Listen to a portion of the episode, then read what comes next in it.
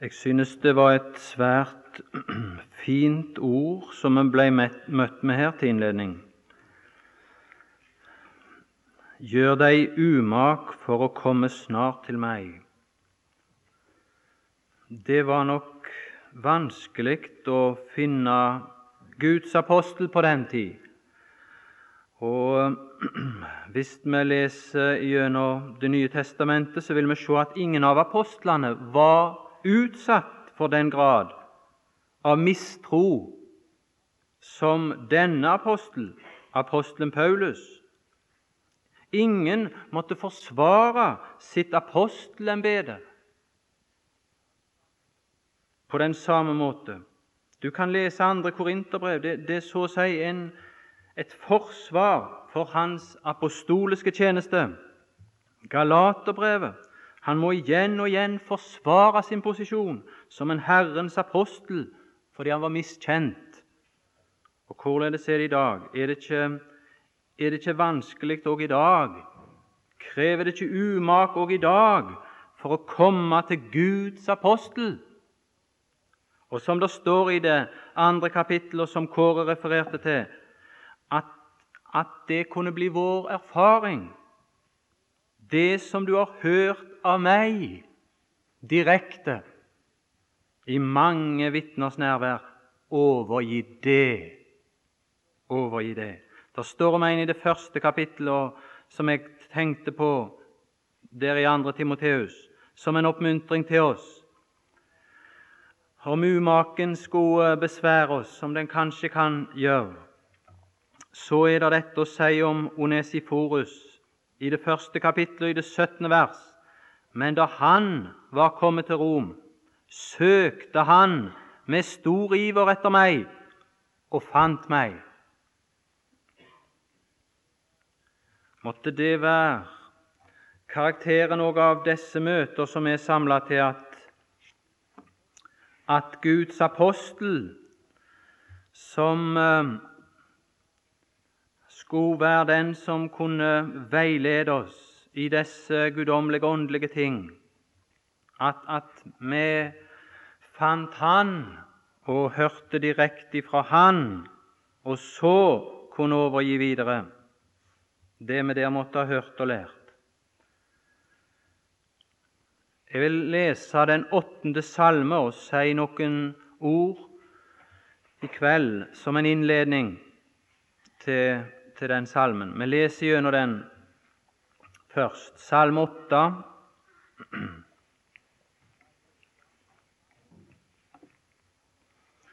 Til sangmesteren etter Gittit, en salme av David.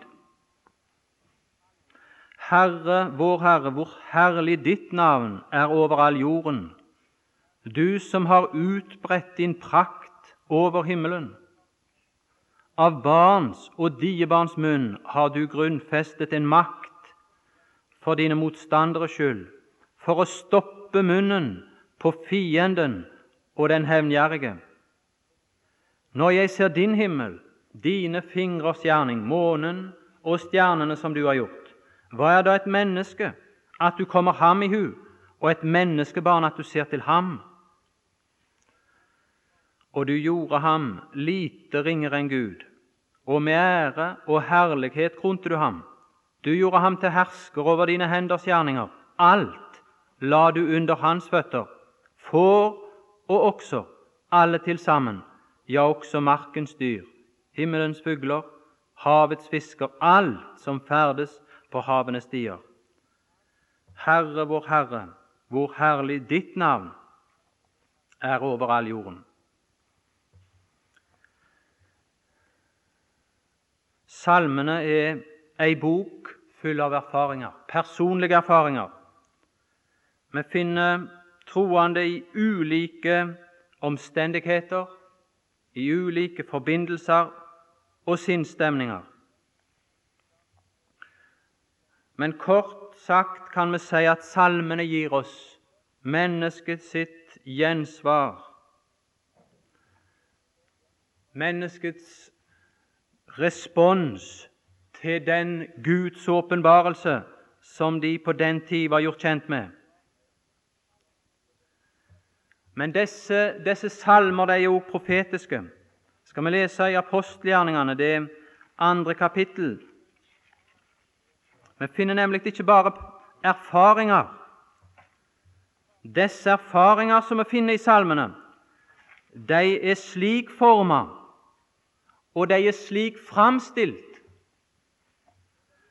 i Skriften at de er profetiske. Dette er klart at det er et forhold som er både mysteriøst og, og hemmelighetsfullt i sin karakter. Og det, det unndrar seg selvfølgelig muligheten for vår innsikt og betraktning. Men Det nye testamentet fastholder dette uten å forklare det. Altså apostelgjerningene 2, salme 16, er utførlig og omstendelig sitert fra vers 29 kommenterer, om du vil, apostelen Peter denne salmen. Denne salme står der, hvis du slår opp, er av David. I gjennom hele denne salmen så taler David i første person. Han sier 'jeg'. Ja, da er det vel David. Det er vel David den handler om, da. Nei, nå, nå kan du se apostelens forklaring her. Og her er det opplagt noe som er, er i en viss forstand hemmelighetsfullt. Han sier der i det 29. vers at eh, David kan den salme ikke tale om, og slår det fast, for David han har ei gravstøtte iblant oss. Og, og, den mann som tales, det omtales i Salme 16, han, han ble ikke værende i ei grav. Han gikk ut av graven. Han, han ble værende der kun ei kort tid. Jeg leser bare det 30. og 31. vers. Da han nå var en profet, altså David, og visste at Gud med en ed hadde tilsvoret ham at av hans lens frukt ville han sette en på hans trone, så var det om Messias oppstandelse han fremsynt talte. Det er dette i salmene. Det er en fremsynt tale profetisk.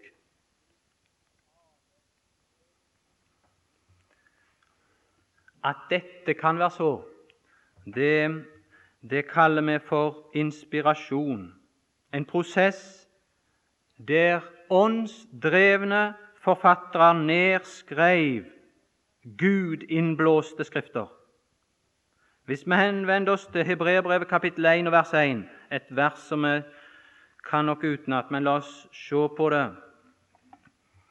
Der, der finner vi dette sagt. Og det, det vil jeg understreke. Foruten det så så ser vi bare mennesker her. Men der, der, der framholdes det etter at Gud for dem hadde talt. Gud har talt. Gud har talt. Gud har talt til fedrene, står der. Og så kommer det ved profetene. Men det er Gud som har talt. Det er Gud som har talt. Han har talt til oss, eller til fedrene, som det sto der, men han har talt ved profetene. Og hvordan det forholdt seg, tar vi et lite vers i andre Samuels bok, det 23. kapittel, og det er det andre vers. Der står det slik Andre Samuels bok 23,2 står det Herrens ånd taler gjennom meg, og Hans ord er på min tunge.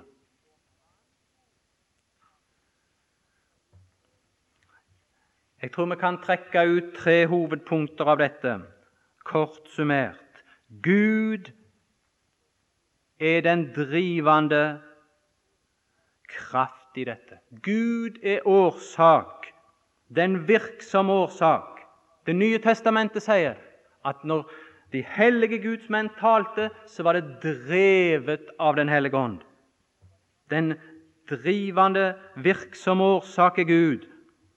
Og redskapet Gud bruker, er hellige Guds menn, som han talte igjennom, men det endelige produkt, og det er det vi har i dag, det er hellige, gudinnblåste skrifter, som er Guds ord i menneskelig språk med Guds autoritet bak. Og disse er det vi skal lese i sammen.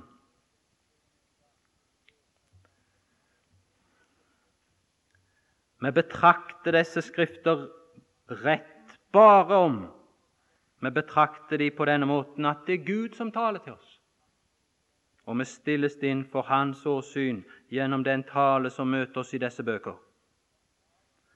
Den bok som vi skal lese ifra av alle disse, som alle har den karakter vi har sagt nå, det er Salmenes bok. Du kan se det om du vil. I apostelgjerningene 1.20 så bærer denne dette navn. Salmenes bok. Det er salmer i andre bøker i Bibelen, men denne bok utmerkes og kjennes ved dette trekk. Det er en samling av salmer. Det karakteriserer og utmerker boka. Mange salmer. Salmenes bok. Og ikke bare er det en samling av salmer, men hvis du ser i apostelgjerningene Jeg tror ikke jeg slår det opp nå, men det 13. kapittel og det 33. vers så siteres de fra en salme, og så sies det, som det heter i den annen salme Ikke bare er det en samling av salmer vi har i denne bok, men det er en ordna samling. Det er ikke tilfeldig sammenstilte salmer, men det er en ordna samling med en indre sammenheng og utvikling. De knytter seg på et vis nesten organisk til hverandre.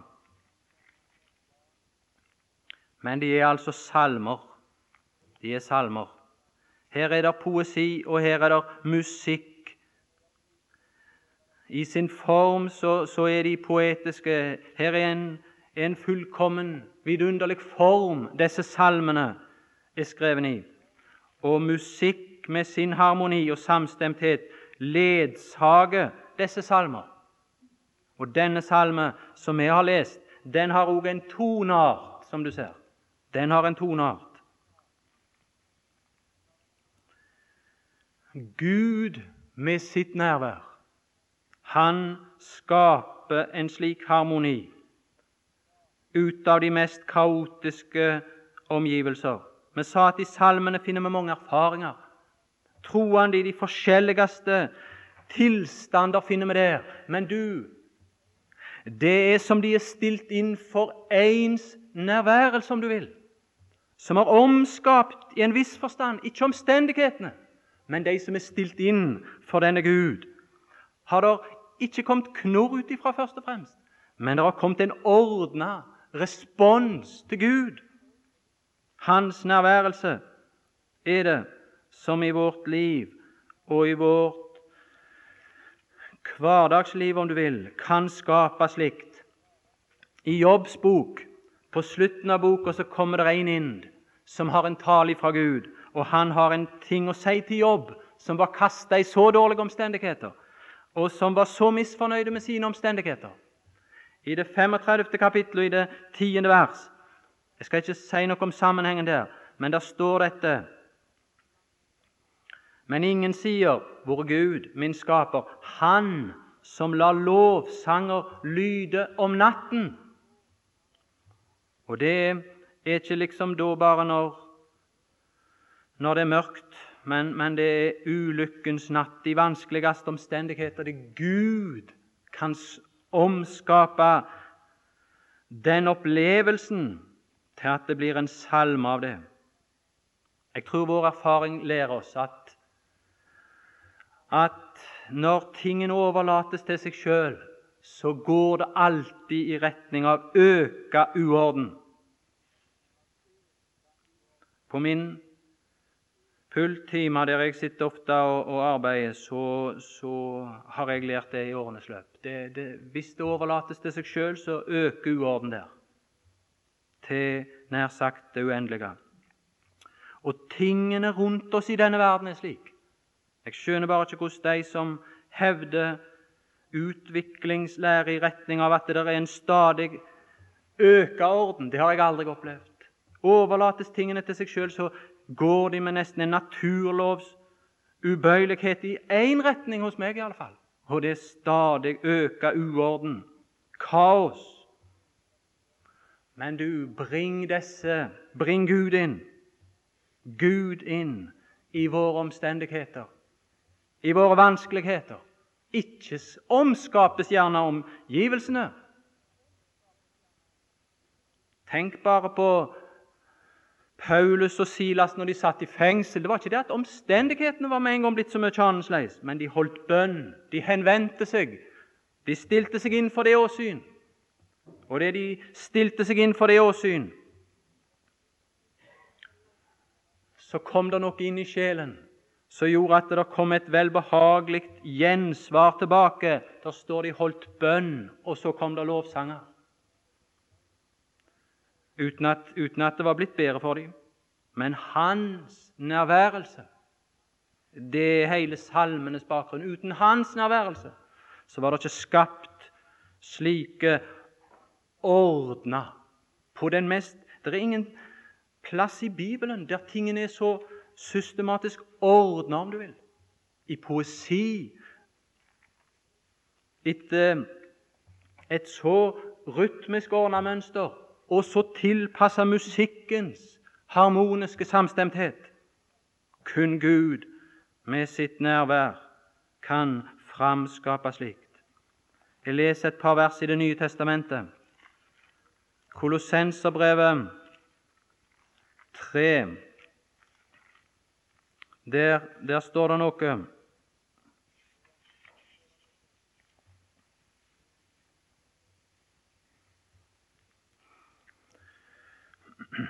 Kolossenserbrevet 3, der står det la Krist, 16. La Kristi ord bo rikelig hos dere, så dere lærer og formaner hverandre i all visdom med salmer. Altså hvis Kristi ord får bo rikelig hos oss, så blir det ikke kun en, en ortodoksi av en eller annen form, som gjerne, som gjerne har et ord knytta til seg tørr ortodoksi, rett lære nødvendigvis. Det må det bli, selvfølgelig. Rett lære, greit nok. Men om disse ord kommer inn i våre hjerter, så tror jeg at de tar med seg noe av den melodi der de kom ifra. Og så, og så, så oppøves en evne hos oss til, til å gjensidig å oppbygge og lære hverandre med, med salmer og lovsanger. Sannheten omskapt i våre hjerter og vi skal se, Du kan se hvis du leser i Efeserbrev 5 Jeg tar ikke tid til det nå. Der står det at det er Den hellige ånd som alene kan framskape dette i våre hjerter, nemlig sannheten blir musikk i våre hjerter.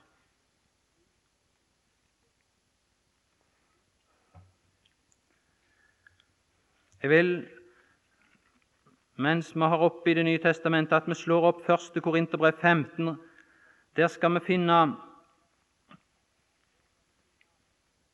et vers som jeg gjerne vil ta med. Vi skal komme tilbake til det, men, men bare et poeng der i, i, i denne sammenheng. 1. Korinterbrev 15, vers 27. Der står det For han har lagt alt under hans føtter. Det er et sitat fra Salm 8. Og han der som har lagt alt under hans føtter, det er Gud. Det er Gud. Det kan du se av salmen. Og så kommer det Men når han sier Og så refereres det tilbake til salmen igjen. Det er Gud som taler i Salme 8. Det er samme subjekt i første del av vers 27 som neste setning som kommer inn der. Når han sier det er Gud som taler. Det var David som har skrevet Salme 8, men det er Gud som taler i Salme 8. Og det ordet òg i Salme 8, om det kom inn i våre hjerter, og Den hellige ånd får føre det til oss i sin kraft, så vil det omskapes til musikk i våre hjerter, de sannheter. Det, det tror jeg. Jeg kunne tenke meg å, å, stille to spørsmål. Det ene vil jeg nå ikke ta tid til å svare på for tida sin skyld, men du kan tenke på det. Hvorfor er det nettopp David som ordna med en sangens tjeneste? Det var det ikke i tabernaklet fra Moses' i tid. Hvis du vil ta tid til det, så kan du slå opp i Amos kapittel 6 og vers 5. Så vil du se at dette med strenge instrumenter og dette med musikk og, og den tjeneste, sangens tjeneste, det var det David som innsatte. Hvorfor han? Det kan du tenke på. Jeg sier ikke noe om det, men jeg vil si en ting, og det er når innførte han det? For det er det et klart svar på. Når innførte han en sangens tjeneste? Og det kan vi spørre om. Du må slå opp første krønikerbok, kapittel 16 og vers 7. Første krønikerbok, vers, kapittel 16 og vers 7. Og i dag så må vi spørre hva er det som kan skape lovsang? Det er noe som må være på plass da. Det er mye tale om lovsangsmøter i våre dager. Vi må stille spørsmålet er dette på plass, som her er på plass. I første krønikerbok 16, vers 7 der står det Den dag satte David første gang Asaf og hans brødre til å synge Herrens pris. Hvilken gang var det? Det var den gang når arken var på plass i Sion. Og det er en plass som ikke har liten betydning i Det gamle testamentet. I Det nye testamentet så vet vi at Romerbrevet forklarer oss at nådestolen den taler om Kristus i hans død og det verk som han gjorde. Og like klart taler arken om den person som gjorde verket, den Herre Jesus sjøl. Da kunne det innsettes en sangens tjeneste. Ja, Er dette en slutning bare som vi trekker nå ut av dette verset, litt sånn litt raskt, og kanskje så viser det seg at sammenhengen forteller oss at det var gjerne ikke der ettertrykket lå i det verset likevel. La oss for sikkerhets skyld slå opp kapittel 6, første krønikerbok, kapittel 6, vers 31.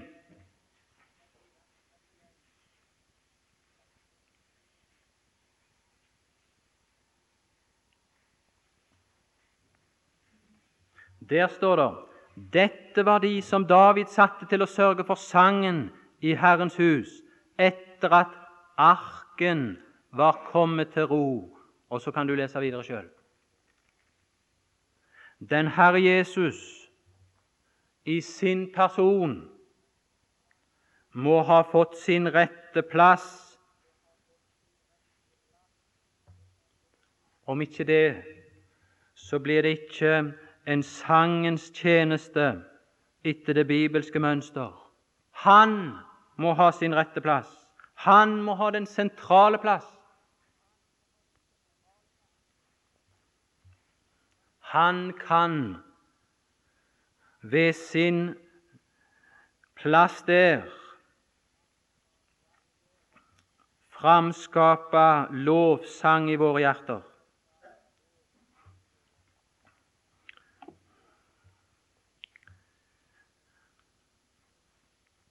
Vi kunne lese et vers i Jesajas det 16. kapittel, sånn at ikke dette skal på en måte oppfattes som en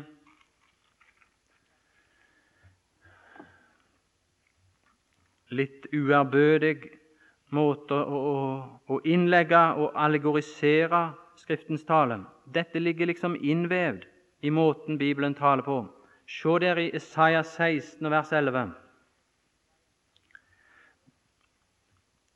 Derfor bruser mitt indre for Moab som en sitar, og mitt hjerte for Kir Heres. Altså, profeten hadde hørt et ord ifra Gud om Moab.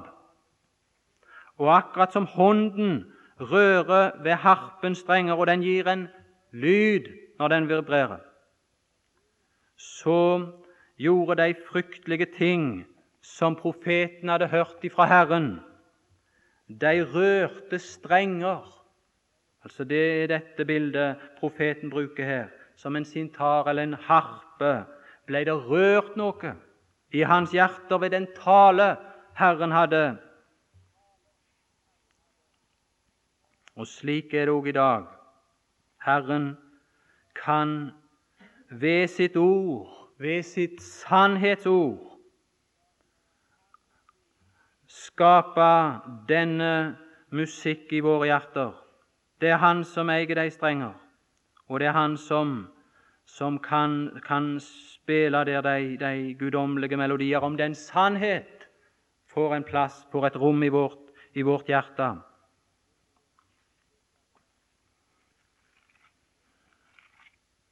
Nå vil jeg òg si det at eh, ja vel, for det, det, er jo ganske mye av i våre dager fyldig med musikkinstrumenter. Og så sier de ja, men David han brukte jo ganske mye musikkinstrumenter. Det var et fyldig oppbud av musikkinstrumenter når, når, han, når han hadde lagt i stand. Så, så, det må jo være på plass i dag òg. Et, et, vers Johannes det fjerde kapittel og det 21. vers. Dette er forbilder for oss, men betyr det at den tempeltjeneste som ble innsatt i Jerusalem,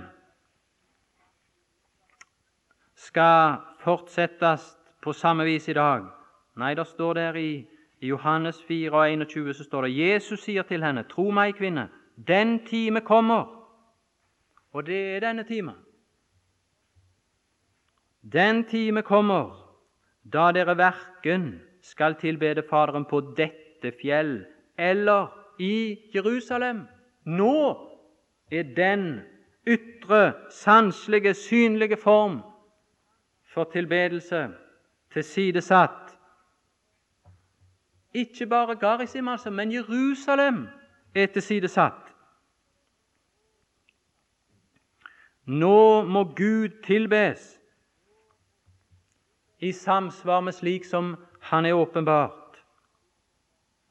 Gud har åpenbart seg fullkomment i den Herre Jesus, og Gud er ånd, og da nytter det ikke med sanselige tilbedelse. Det er Guds sannhet som framvirker ved Guds ånd, som er det eneste som kan være rett tilbedelse i dag.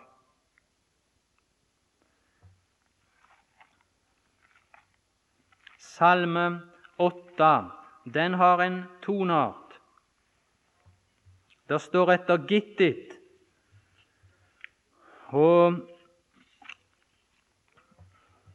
Da vil jeg gjerne be deg se etter om det kan være slik som jeg sier nå. Hvor kommer denne melodien fra? Etter Gittit. Jeg skal kort si det som jeg har synes er det, det Bibelen fører oss på sporet av. Så får du etterprøve det, om det, det kan ha ha noe for seg.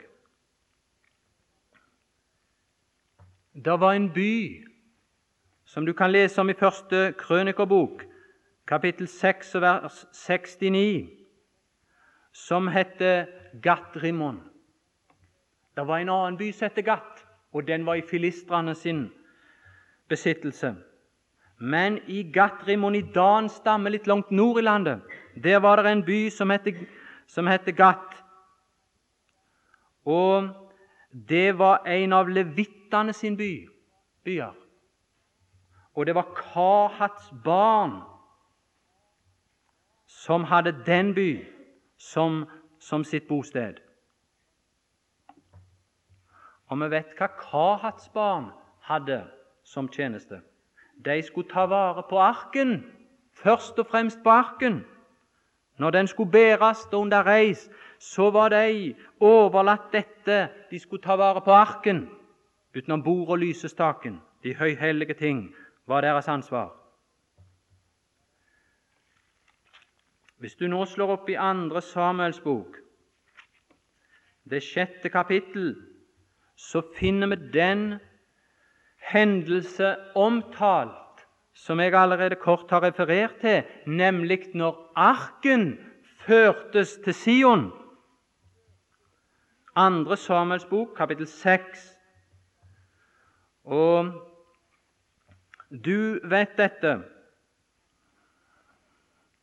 at når David forsøkte det, så ble han influert av filistrene. Og så tenkte han på filistervis. For de hadde funnet på en god måte. De lagde ei vogn som skulle kjøre arken opp, liksom. Vi må òg tenke i dag på måten Guds ark skal føres fram. Ikke med vise ord, sies det i Korinterbrevet, for at ikke Kristi kors skal tape sin kraft. Vår ark, når den skal føres fram i dag, og han skal få sin plass, så går det an å gjøre på en gal måte. Og Herren, Herren dømte de der når de gjorde det. Og hva gjorde David da? Se i det tiende vers. Og David vil ikke flytte Herrens ark opp til seg i Davids stad, det var kommet en redsel over David, men lot den føre bort til gittitten Obed-Edoms hus. Og han har en sentral plass her.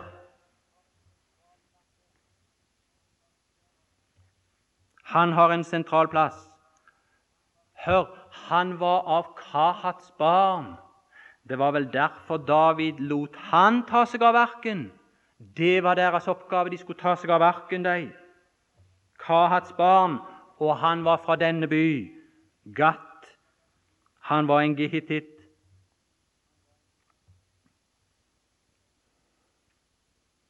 Hvordan er det i disse dager? Tas arken vare på? Og vi kunne spørre tas arken vare på på den rette måten i dag? Føres den fram på den rette måten? Bæres den av Kahats barn? Eller er det oppfunnet litt lettere måter å ta vare på disse ting på? Sånn som filistrene hadde funnet ut. Du, han som tok vare på arken, han står der litt lenger nede her, han ble velsigna av Herren. Det er velsignelsesrikt å ta vare på arken. Og han ble velsigna, det kan du se ut gjennom krønikebøkene. Han ble velsigna ved det at han ble en av de som fikk del i sangens tjeneste. Jeg må lese et vers om det, kanskje. Første krønikerbok, sånn at dette kan iallfall henge litt i sammen. Men om du er lite kjent der i første krønikerbok, så virker det nok kanskje litt sprettete. Men se i første krønikerbok 15. Han fikk to tjenester, denne Gehittit Obed Edom. Han fikk del i sangens tjeneste, og han ble dørvokter for arken. Se i det 21. vers, der i første krønikerbok, 15.21, og du ser i det 24. vers. Og han var med når de første gang, og seinere under Asaf, Heman og Jedutuns ledelse det ble en sangens tjeneste i tempelet. Du kan lese det i det 25. kapittel. Første krønikerbok 25. Og nå er det bare tre salmer som har denne toneart. Denne toneart. Og det er salme 8, og den er av David. David hadde et spesielt forhold til Obededom. Så er det salme 81, og den er skrevet av Asaf.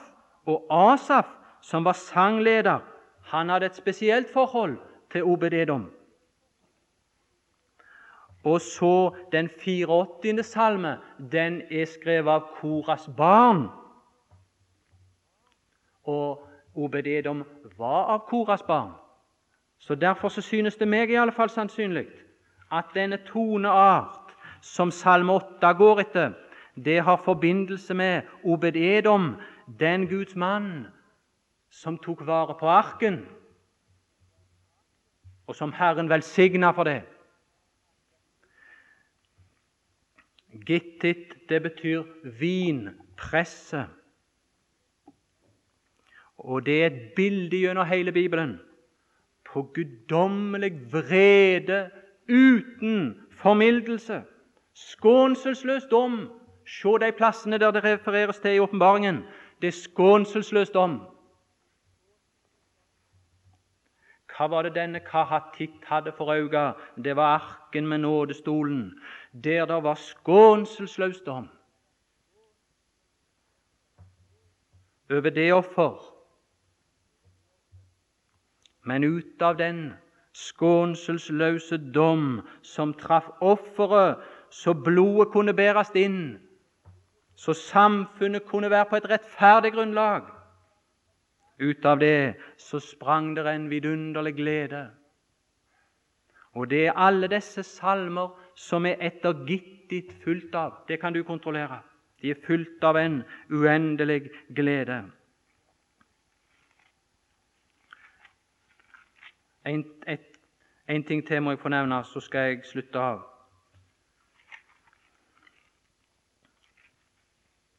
Sangens tjeneste. Jeg og du, slike som som eh, denne OBD-dom. Tar vi vare på arken i våre dager, og det på den rette måte må det være. Kanskje ikke så enkelt og lett, men på den måten som Herren har foreskrevet.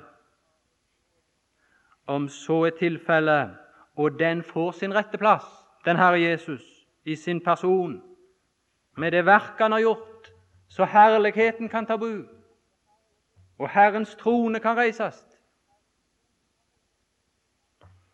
Ja, da følger det lovsang ut av det. Og Hvis du nå har oppe første krønikerbok 25, så skal jeg bare understreke én ting til der. Der står det nemlig om disse som var ledere for sangen. Og der står mange ting der som er vel verdt å merke seg. Men jeg vil si én ting, og det er de har ett felles, disse tre, som ble ledere for sangen, nemlig Asaf, Jedutun og Heman. Og Jeg skal ta tid til å lese det. De har én ting felles. Først andre krønikerbok 2930. Andre krønikerbok 2930.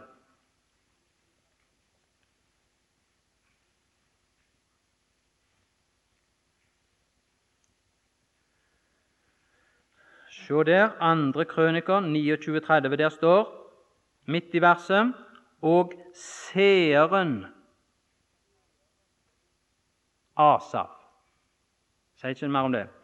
Og så andre krøniker 35, 15. Andre krøniker 35, 15. Der står det midt inne i verset Kongens seer Jedutun. Asaf var en seer. Jedutun var en seer. Og se nå i første krønikerbok 25.